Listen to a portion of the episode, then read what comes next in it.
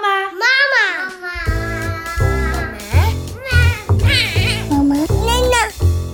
Welkom in de podcast van Mama Baas. Mijn naam is Tine de Donder en ik ben de gastvrouw van deze podcast. En deze zomer ga ik in gesprek met bekende mama's, want het is toch leuk om hun verhaal ook eens te horen. Om een verhaal te horen dat misschien herkenbaar klinkt, of dat je gerust kan stellen dat wat je doormaakt eigenlijk perfect normaal is. En vandaag is mijn gaste Kim van Onsen, presentatrice, fotomodel en actrice. Momenteel heel bekend eh, in de rol van Saartje in de serie Dertigers. Dag Kim. Hallo. Welkom in Dag, onze Tine. podcast. Het is een podcast over ouderschap. Vertel eerst eens even van wie ben jij de mama? Ik ben de mama van Jack. Jack wordt morgen zes. En ik ben eh, de mama van Stella. Stella wordt eh, twee deze zomer. En ik ben ook de mama van Pipa. eh, maar Pipa is ons doodgeboren dochtertje. Ja. Een doodgeboren dochtertje. En durf je daar nog over praten?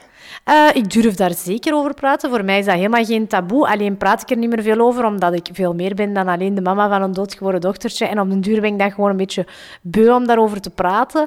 Eh, maar het is niet dat ik daar een probleem mee heb om daarover te praten. Zeker niet, nee. Nee. En ik vermeld het er toch bij, want ik heb drie kindjes en ik vind dat toch belangrijk. Zeker. En is zij nog heel aanwezig in jullie leven? Eh, zij is in kleine dingen zeer aanwezig. De mensen gaan dat aan ons direct niet zien, dat wij drie kinderen hebben. Maar in ons hart hebben wij er wel drie. En zij is toch eh, een belangrijke wegwijzer in heel veel keuzes. En in heel veel nee's die ik zeg, eh, zit zij toch een heel klein beetje vervat. Dus ik ben haar daar heel dankbaar voor. Ja, en praat je er ook over met je andere kinderen? Eh, de, de oudste weet dat wel. Die was dan ook al, al geboren toen zij, eh, toen zij geboren werd. Maar eh, wij praten daar eigenlijk op een heel normale manier over, omdat dat bij het leven hoort en dat hoeft geen taboe te zijn. En hij, hij durft zo zeggen, eh, als hij gaat slapen, heb ik nog eens uit mijn raam gekeken en Pipa was er, of een sterretje was er. Of, of dan zegt hij, ja, ik had eigenlijk ook nog een zus, Pipa. Hij weet dat wel en hij praat daar ook niet heel veel over en dat hoeft voor ons ook niet, maar dat is wel iets dat, dat hij weet. De jongste is nog te klein om dat te vatten, maar als zij groter is, ehm, zal zij dat zeker wel weten, dat Pipa er ook geweest is tussen Jack en haar. Dus ehm, ja, voilà. Zij hoort er ook bij. Ja. En is dat eh, het type mama die jij bent? Over alles praten? Wij praten heel veel met onze kinderen. Ik praat ook gewoon in het algemeen heel veel, dus ik trek dat waarschijnlijk ook gewoon door naar mijn kinderen. Onze zoon praat ook heel veel, dus eh, de- af een appelboom vallen geen peren. Dus die stelt zich ook heel veel vragen en kan soms aan één stuk ratelen. Maar ik sta daar zeker voor open om, om daarop in te gaan. Uh, We hebben ook de gewoonte om als hij gaat slapen altijd nog eens over de dag te praten. Wat was leuk, wat was minder leuk? Ehm, hoe voelde hij zich daarbij? Soms kunnen dat heel banale dingen zijn. Of is hij te moe en was het gewoon een, een heel leuke dag. Maar soms kan er al wel eens een ruzie zijn geweest op school of een akkefietje. Of, of mama die boos was of andersom, hij die boos was op mama. En dan, eh, dan wordt daar altijd nog wel eh, even over gepraat. Dus ja, ik probeer een heel open communicatie te houden met alle twee mijn kinderen. De jongste is twee, maar die tittert er eigenlijk ook al op los. Dus eh, ik denk dat ik nog veel ga praten met hem. Misschien soms tot, tot in het vervelende toe. En de papa, is dat ook zo'n prater? Dat is een hele stille man die heel veel pech heeft. Die zegt soms, heel de dag hoor ik hier mensen praten. Dan zeg ik, yep, sorry. maar die geniet er wel van. Zo. Maar die is eigenlijk van nature eh iets rustiger en iets stiller. Ja. Nu, wat vind je eigenlijk eh, het fijnste aan mama zijn? Eh, ik, vond, ik vond het sowieso al heel fijn als ze ge- als, ah, vanaf dat ten eerste geboren werd, vond ik het heel verrijkend, verruimend. Ehm, er werd een nieuw spectrum van emoties en gevoelens aangewend waarvan dat ik eh, nooit had gedacht dat ze bestonden of dat, ze, ehm, ja, of dat ik ze toch in mij had. En ik vond dat heel verrassend en leuk om te ontdekken. Ehm, ook dat je zelf eigenlijk niet meer het middelpunt van je eigen universum bent. Maar vanaf dat die eruit komen, is dat eigenlijk onmiddellijk die kinderen die... Ja, dat is in een vingerknip dat je eigenlijk zelf op het achterplan verschijnt, emotioneel gezien dan toch, voor mij persoonlijk. En ik vond dat eigenlijk niet zo erg. Ons leven staat of valt nu, en dat klinkt misschien heel zwaar, maar als onze kinderen gelukkig zijn en die zijn oké, is al de rest zo relatief. En ik vind dat wel fijn dat je nu zo kunt relativeren. Eh, dus, dus zolang dat met onze kinderen alles oké is, zijn wij ook oké. En ik vind dat wel fijn, los van het feit dat wij nu plots uh, super kwetsbaar zijn. En ik denk dat dat heel herkenbaar is voor heel veel ouders. Uh, plots is daar een Achillespees en ben je leeuw van een welpje. En ik voel mij soms echt wel een leeuwin die, uh, die zal vechten voor haar, voor haar welpen. En dat vind ik soms ook wel eng, maar ja, het hoort erbij, vrees ik. En ja. En ben je een bezorgde mama? Veel te bezorgd. Ja? Ja. Ja. In welk opzicht? Ik kan zo, uh, ja, toch rare dingen doen, vind ik. Vertel eens iets. Ja, maar ik schaam mij soms daar wel over. Eén dingetje. Uh, bijvoorbeeld, onze babysits zijn allemaal meisjes die gestudeerd hebben voor kinderzorg en dus een diploma EHBO hebben. En, en dus ze zomaar aan eender wie geven. En dan krijgen die altijd ook een lijst met telefoonnummers en met het noodnummer in het groot van boven erop. En dus ja, ik probeer zo heel voorzienend te zijn. En ja, ik merk dat ik, dat ik uh, toch nog... Uh, heel veel marge heb om bij te leren op het vlak van loslaten. Ik laat ze los. Ik laat dat niet merken aan mijn kinderen, want ik vind dat, dat heel ongezond en ik weet dat ook. Dus ik heb wel enig besef van mijn vo volledig irrationele dingen daarover. Dus het besef is daar, dus ik laat het niet blijken. Maar van binnen ga ik vaak wel kapot.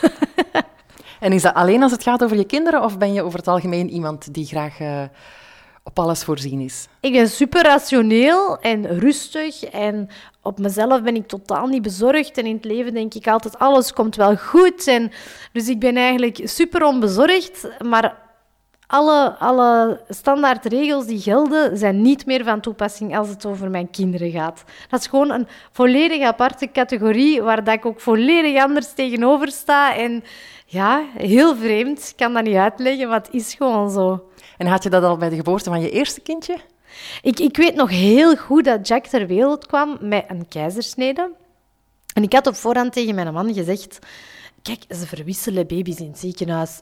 Je moet naar mij niet kijken. Jij blijft bij dat kind, hè, want ze gaan mij nog moeten toenaaien en zo. En ja, ja sorry. Dat is onze hond Baloo, die een vogel ziet in onze tuin. Sorry. Dus voilà, die is er ook. We hebben ook nog een hond. um, maar uh, ja, dus die, die kwam ter wereld en, en ik was zo geëmotioneerd en, en huilen. En dus mijn man was zoals afgesproken meegaan met het kind. Daar zie je ook direct de leeuwin van, ik ben niet meer belangrijk, ga naar het kind. Maar ik was eigenlijk zo aan het huilen dat mijn man dacht, oei, er scheelt iets. Dus hij kwam zo terug naar mij, hé hey, schatje, alles oké? Okay? Ik zei dat je bij het kind moest blijven. Ik ben gewoon geëmotioneerd. Blijf bij onze zoon. Dus ik was zo direct van... Ja, ik vond dat ook heel erg dat ik al niet direct erbij kon blijven om te zien of alles oké was. En dus ik vond dat dan een heel belangrijke taak voor mijn man. Dus ik denk dat dat eigenlijk direct weergeeft. Uh, zelfs de seconde dat hij eruit kwam, was het volledige mama leeuw en, en, en baby welpje. ik ga u beschermen. Dus uh, ja, dat is nooit veranderd eigenlijk. -hmm. Maar het heeft er dus niks mee te maken dat je kindje verloren bent? Dat nee, je zo geworden bent? Nee, nee, nee, dat was, was al... Uh, nee, absoluut. Uh, ik vrees een beetje... Ik kan het natuurlijk heel makkelijk daarop afschuiven, maar het is gewoon een aangeboren afwijking, vrees ik, waar ik geen enkel excuus voor heb. Nee, en vind je het erg van jezelf of eigenlijk niet? Ja, ik probeer er wel een beetje uh, tegenin te gaan. Hè? Want als ik dat volledig toelaat, dan, dan, dan ga ik beslissingen maken die natuurlijk volledig ingegeven zijn door... door ja, die ingegeven zijn door angst en... en en die totaal ja, irrationeel zijn. Hè? Dus ik probeer mezelf wel een halt toe te roepen. Ik kan dat wel goed. Ik kan mezelf zo heel goed coachen in mijn hoofd praat dan zo tegen mezelf van, oké, dit is er over. En dan fluit ik mezelf terug uh, en dan uh, kan ik mijn impulsen vaak wel controleren. Ja, um, zou je jezelf omschrijven als een um, creatieve moeder? Niet altijd. Als er zo... Mijn zoon had nu zo onlangs voor zijn verjaardag iets gekozen van Pinterest. Ook heel dom. Ik had hem zo opties gegeven. En hij had natuurlijk de moeilijkste optie. Vond hem wel heel leuk om uit te delen. En dan had ik zo gezegd, nou schatje, dat is heel veel werk. Mama gaat dat niet maken. Ja, natuurlijk drie nachten later zat mama dat te maken.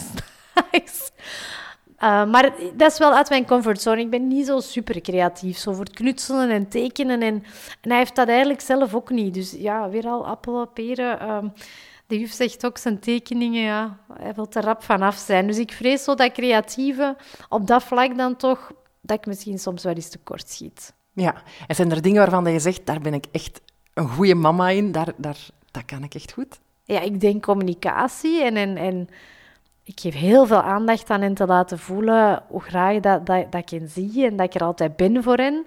En ook op de belangrijke momenten zal ik er altijd zijn, ondanks dat het soms heel druk is. Maar dat zijn dan zo pinpoints in mijn agenda die uh, daar in het groot in staan. Dus ze weten ook dat ik, dat, dat ik er altijd ben. En um, ja, ik denk, ja, voilà, aanwezig zijn. En we gaan ook heel vaak wandelen, fietsen.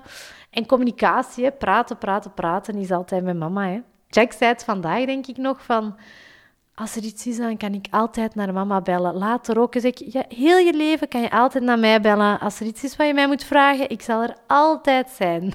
En die doet dat ook? Die komt daarmee naar jou? Ja, hij weet dat echt wel, zo heel duidelijk. Soms zo tot, tot uh, de moment dat hij zegt, mama, ja. Zo, oké, het is duidelijk, je weet het. Ja, nu, Kim, uh, wist jij altijd al dat je kinderen wou?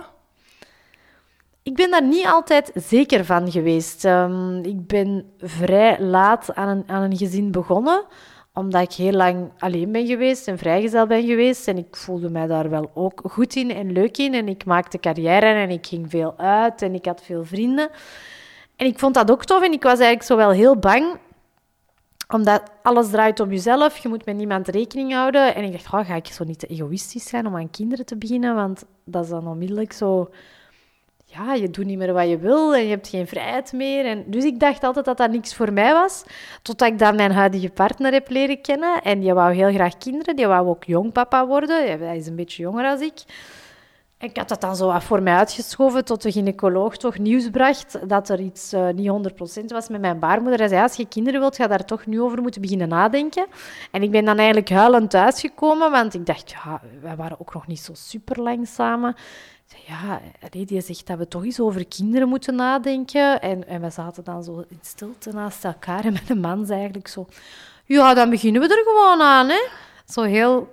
Ja, ja, waarom nu? Allee, zo heel romantisch beslist ook. En uh, hoe meer dat ik erover nadacht, uh, dacht ik, ja... Ja, ik hou ook wel van avontuur. En van, uh, dus dat is een heel groot avontuur. En al mijn angsten bleken dus ongegrond, is daar net al gebleken. Want de eerste kwam eruit en voilà, bye Kim, bye al mijn behoeftes. En al mijn noden gingen voilà, meteen uh, de raam uit. En, en ja, gelukkig maar. Hè, uh, ik, het is een beslissing die ik mij tot op de dag van vandaag nog niet beklaagd heb. ondanks de slapeloze nachten. En, nu nog altijd? Het is aan het beteren. Stella heeft me toch wel uh, zo in periodes op de proef gesteld. Ja, Jack eigenlijk ook. Maar nu, ja, is stabiel. Ik ga hier, mijn tafel is van hout. Ik ga die eventjes vasthouden, want sleep is life, mama's. Dat weten wij allemaal. Dus ik, uh, ik ben blij dat dat een beetje al achter de rug is nu. Oké, okay, zo meteen praten we verder, maar eerst nog even tijd voor de boodschap van onze sponsor, die ervoor zorgt dat we deze podcast gratis kunnen aanbieden. Ouder zijn dat is niet altijd roze geur en maneschijn. Maar hey, we steunen elkaar. Nestlé Baby Me is er voor je kindje met gezonde producten in elke groeifase. Maar ook voor jou als mama en papa. Ga naar nestlébaby.be voor persoonlijke informatie, smakelijke recepten en advies van professionals over welzijn, voeding, ouderschap en opvoeding. Kim, hoe gaat het voor jou eigenlijk om uh, mama zijn te combineren met wat je doet, al jouw professionele bezigheden? Dat gaat mij supergoed af. Ik heb daar 0,0 problemen mee. Maar, dat is een hele grote maar, dat is enkel het geval, en dat besef ik heel goed, omdat ik de enorme luxe heb van een gigantisch mooi en goed vangnet te hebben. Mijn ouders zijn in pensioen en zijn eh, meer dan verliefd op hun kleinkinderen, dus die zijn daar altijd welkom. Mijn man uh, is ook zelfstandig en probeert zijn werk te regelen naar dat van mij. Dus hij doet ook heel veel, gaat de kinderen heel veel van school halen, brengt ze s morgens naar school, is gewoon gewoon een heel betrokken, aanwezige papa. En ik denk, zonder al die elementen zou dat niet mogelijk zijn. Uh, omdat ik toch wel graag heb dat mijn kinderen op een plek zijn waar, dat ze, ja, waar dat ik weet dat ze goed zitten. En, en En dat geeft mij heel veel rust. Als ik in periodes meer moet werken, weet ik dat ze... Ik zeg dat altijd bij mijn ouders zitten die in een 5 plus plus sterren VIP-hotel, waar ze uh, op hun wenken bediend worden. Ze, ze worden omringd met uh, meer liefde bestaat er niet. En, en, mijn ouders trekken eigenlijk de opvoeding die wij geven een klein beetje door. Dus daar moet ik mij ook geen zorgen om maken. De ouders van Niels proberen, die werken nog wel, maar die proberen ook bij te springen waar ze, waar ze kunnen. Dus eigenlijk heb ik gewoon helemaal geen klagen. En, maar ik denk gewoon dat dat heel anders is voor moeders of, of ouders in het algemeen die die hulp niet hebben. Dus het is heel makkelijk voor mij om te zeggen, dat kan. Ja, dat kan allemaal. Maar zonder die hulp zou dat wel een ander verhaal zijn, denk ik. Ja, en heb je dan nooit het gevoel als je aan het werken bent van ik zou liever bij de kinderen zijn? Of als je bij de kinderen bent, ik zou liever aan het werk zijn? Nee, eigenlijk niet. Ik kan, mij heel, ik kan heel goed uh, in het moment leven. En het is wat het is. En ik kan mij dan heel druk maken dat ik ergens niet ben, maar dan mis je heel veel van waar je wel bent. Dus dat doe ik eigenlijk zelden of nooit, nee. Ja. En ook omdat ik op de momenten dat er voor mij tellen, mijn agenda vrij hou. Bij dertigers bijvoorbeeld vragen ze aan het begin van het seizoen een agenda. En dan staan zo de verjaardagen, het afstuderen of de laatste schooldag, de eerste schooldag. Dat zijn allemaal dagen dat direct een rood kruis krijgen. En ze weten dat ze dat niet meer moeten vragen. Ja, dat, dat staat daarin. Dus dat zijn al dagen dat ik al weet dat ik... Ja, daar ben ik dan zo wel heel streng op van... Nee, als het over mijn kinderen gaat, valt er niet meer over te onderhandelen. En dat lukt dan? Ze geven daarop toe? Ja, ze, ze, hebben daar begrip voor en respecteren dat en appreciëren dat ook. En, en als ik dat op tijd zeg, is dat ook geen probleem. Dus ik denk mensen dat daar geen begrip voor hebben, ja, dat, dat, ik heb daar naar andere mensen ook altijd heel veel begrip voor. Um, er zijn andere dingen in het leven als werken, hè. Zeker, het zal wel. Nu, je ziet er een heel um, ontspannen persoon uit, of zo kennen we jou, denk ik, in uh, hoe je naar voren komt. Ben je dat ook in het moederschap? Ja, buiten dat ik zo wat bezorgd ben, maar ik denk dat alle mama's, ja, denk ik wel dat ik daar uh, redelijk. Ja, ik laat het allemaal zo gebeuren. Ik kan heel goed relativeren. Uh, dus zien, het is maar een fase, passeert ook uh, heel vaak in mijn hoofd. Nu, de oudste is zo minder pittig, noemen ze dat dan, als mijn jongste. Die is ook wel bijna twee. Dat is ook zo'n fase van nee, en ik ga mij af en toe wel eens op de grond smijten om dit te tonen, wat ik bedoel. Maar ik kan daar heel rustig, ik ga mijn geduld niet snel verliezen. Het is wel vermoeiend, hè. Maar dan denk ik, ja, zelfs is dat over en binnen een jaartje spreken we hier niet meer over. Dus ik kan, ja, ik kan eigenlijk in het leven over het algemeen, denk ik, vrij goed relativeren. Wat toch wel een eigenschap is die van pas komt in het moederschap Ja, absoluut. En uh, kan je zo benoemen wat je het belangrijkste vindt in je opvoeding? Waar je op hamert? Vrijheid, dat ze de persoon kunnen en mogen zijn die ze gewoon zijn, met al hun eigen uh, kwaliteiten en gebreken. En, en nu is dat nog moeilijk, want ze zijn klein, maar hoe groter dat ze worden, vind ik het heel belangrijk dat ze voelen van... Oké, mijn ouders die mij onvoorwaardelijk graag, ook als er iets misloopt, als er een verkeerde beslissing is, als ik uh, in mijn professioneel leven keuzes maak of op relationeel gebied, dat misschien niet voor de hand liggend zijn, dat wij er toch altijd zullen zijn als ze maar gelukkig en gezond zijn, dat dat voor ons het belangrijkste is. Dus, dat, dus daar hamer ik heel hard op. Van uzelf zijn voor ons is het allemaal oké. En natuurlijk respect voor andere mensen. Ehm, en empathie, hun, inleven in andere mensen, vind, vind ik heel belangrijk. Ik koop altijd ook boekjes, zo s'avonds als we dat lezen, om, om hun dat over pesten bijvoorbeeld, of over allemaal over thema's, dat duidelijk maken hoe dat een ander zich voelt. En bij de oudste lijkt dat echt al wel zijn vruchten af te werpen, dat hij echt wel zo kan zeggen, ah, dat kindje zal wel verdrietig zijn geweest, want dat is niet leuk. En mama denkt, nee, zeker niet. Allee, zo, ja, gewoon heel veel respect voor elke medemens. Zijn dingen, denk ik, als je kinderen dat kunt meegeven, waar dat je heel ver mee kunt komen. En, en ook dat ze emoties wel mogen toelaten als ze boos is. Of stel dat ook als ze gefrustreerd zijn of boos. Of oké, dat mag even, laat het er maar uit. Maar daarna gaat het weer gewoon verder. Ja, en wat zijn zo de momenten waarop dat je wel eens je geduld verliest of dat je denkt, nu heb ik het gehad? Als ik heel moe ben. En ze beginnen dan s'avonds voor bedtijd zo te jengelen of, of mijn geduld. Maar eigenlijk helpt dat niet als je dan zelf begint bijvoorbeeld te roepen. Of te, en ik besef dat ook. Dus ik denk, ja, hoe kalmer dat ik zelf blijf, hoe sneller dat deze situatie voorbij gaat. Dus van binnen ben ik dan soms wel zo... Maar van buiten probeer ik altijd de situatie en dan ben ik gewoon ook blij dat ze in hun bed liggen. Daarna zo, oeh, bye. Ze gaan ook redelijk vroeg slapen bij mij. Ja? Ja, ik denk dat wel, ja. Zeven uur, half acht is bij ons toch gedaan eh, met de show. Ja. Dan is de show afgelopen. Eh, maar echt zo mega mijn geduld verliezen. Ja, ik, ik herinner mij zo nog wel bij Jack. En dat is dan eigenlijk een vrij rustige van karakter. Maar toch, als dat een peuterpuber was... En je gaf de blauwe beker, maar dat moest dan de groene zijn. En als ik de groene bracht, moest dat toch de witte zijn. Omdat dat zo totaal willekeurig is. Je kunt die hun gedachtegang daarachter niet volgen. En je weet wel dat dat komt omdat die hersenen zich volop aan het ontwikkelen zijn. Dus ook weer relativeren. Maar dan dacht ik soms wel...